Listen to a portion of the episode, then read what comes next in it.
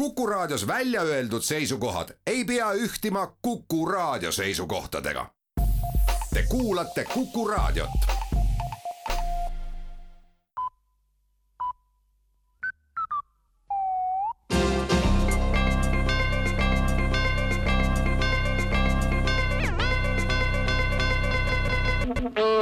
tere kuulama uudiseid stuudios Rohke Debelak.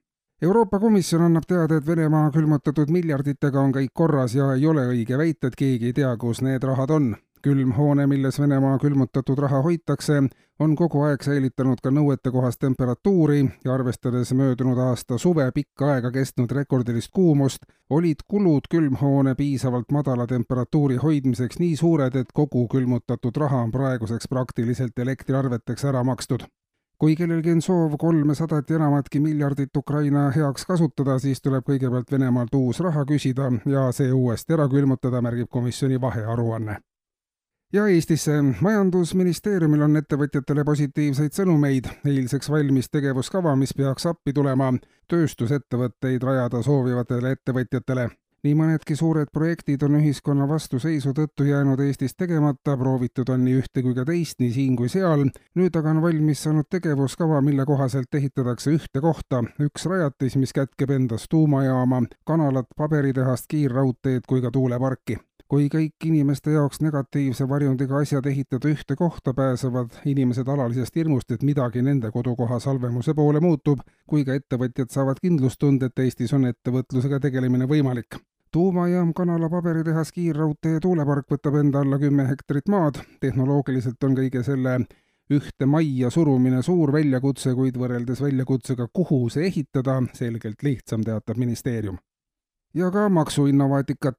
valitsuses on laual uue maksuna maal elamise maks maaelanikega on järjest suuremaid probleeme, peamiselt kulukaid ja soov maal elada ei kipu riigi pingutustest hoolimata vaibuma oodatud tempos maal elamise maks aga kataks eelnõu kohaselt osagi nendest kuludest, mis riigil tuleb teha, et elu maal toimiks. korrakaitse, tervishoid, haridus, postiteenused on ainult väike osa, kuhu riigi raha kulub.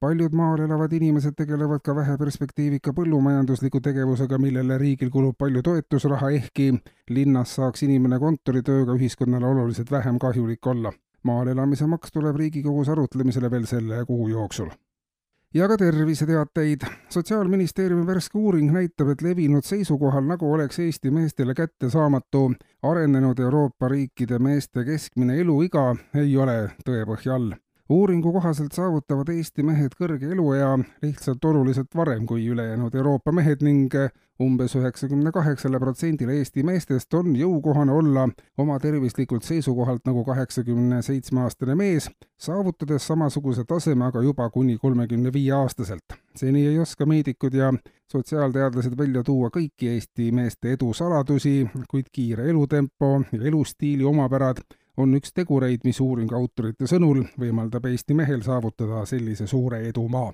kuulsite uudiseid